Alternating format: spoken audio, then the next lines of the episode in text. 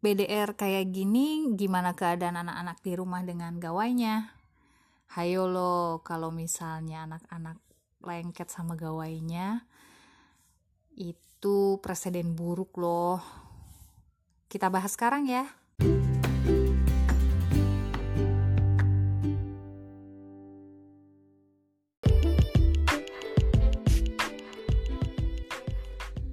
Assalamualaikum warahmatullahi wabarakatuh. Hai Mak, apa kabarnya nih? Ketemu lagi dengan saya Yuli Kusuma Dewi Ansori.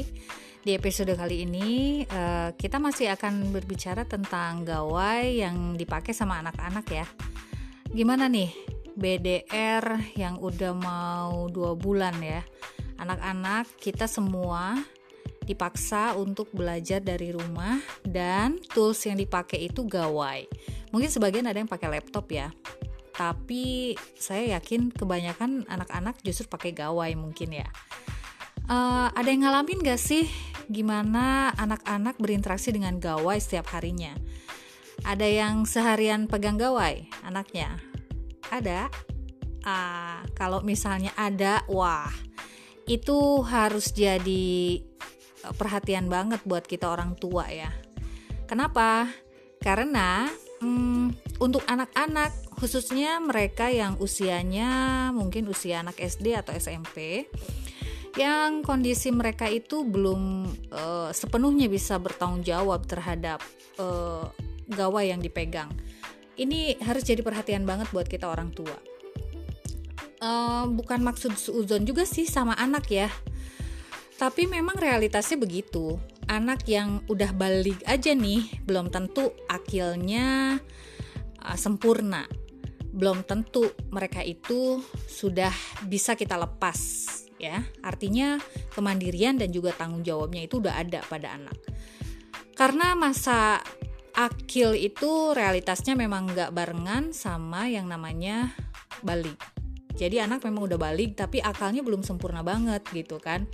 Mereka masih butuh bimbingan dan juga arahan-arahan dari kita tentang bagaimana e, semestinya mereka bertanggung jawab dan mandiri dalam memanfaatkan teknologi yang ada e, di hadapan kita semua.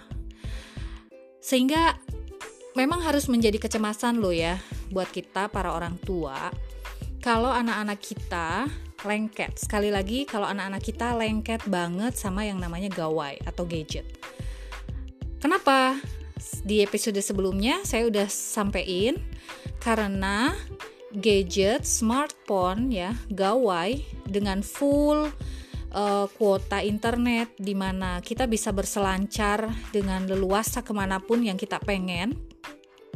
Itu ibarat hutan belantara Tega gak sih mak? Kalau misalnya kita biarin anak kita dia berjalan di hutan belantara yang mereka nggak tahu arah timur barat ya selatan utara. Mereka nggak tahu jalan untuk menuju ke uh, luar itu ya ke dunia yang aman untuk mereka itu kayak gimana.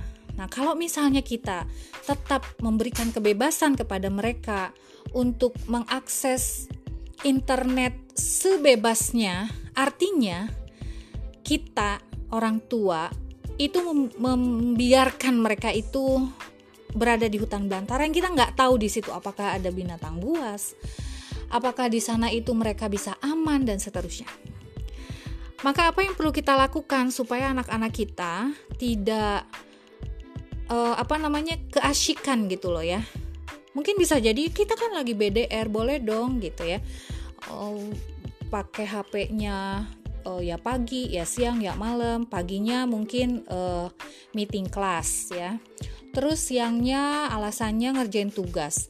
Malamnya verifikasi tugas gitu ya. Sehingga akhirnya anak-anak kita ya udah deh gitu ya kita kasih kebebasan buat mereka eh tahu-tahu nih. Nah ini kejadian juga tuh beberapa hari atau satu minggu yang lalu. Ada orang tua yang nangis bilang ke saya ketika anaknya dikasih kebebasan karena memang tuntutan dari sekolah juga ya kita nggak nyalahin sekolah sih sebenarnya. Uh, karena memang kondisinya terpaksa gitu ya. Tapi memang kondisinya mungkin karena kurangnya pengawasan akhirnya si anak itu dia penasaran mungkin yang tadinya cuma buka Zoom, yang tadinya cuma buka aplikasi WhatsApp, penasaran dia ke YouTube, dia kemudian scrolling apalah segala macam akhirnya dia menemukan konten-konten yang tidak semestinya. Dan akhirnya ketahuan juga sama orang tuanya setelah orang tuanya cek riwayat ya, history. Shock orang tuanya, lalu dia nangis. Dia bingung harus diapain anak saya dan seterusnya. Jangan sampai itu kejadian sama kita ya, Mak. Hmm, makanya saya mau sharing sedikit apa sih yang harus kita lakukan supaya nggak kejadian hal-hal yang tidak kita inginkan. Oke, yang pertama yang ingin saya share adalah kita butuh di rumah ada kesepakatan ya. Anak-anak kita beri kebebasan tapi setiap ada kebebasan itu harus disertai dengan batasan dan pertanggungjawaban. Itu harus clear. Yang kedua, yang harus ada di di rumah itu adalah ketega ketegaesan ya. Ini istilah dari Abah Isan loh ya. Saya karena juga masih belajar. Jadi kita memang mesti tegas juga sama anak-anak. Jadi kalau saatnya uh, smartphone-nya dikumpulin, diambil lagi sama kita, anak mau nangis guling-guling, mau protes, mau bilang kita jahat segala macam, no worry ya.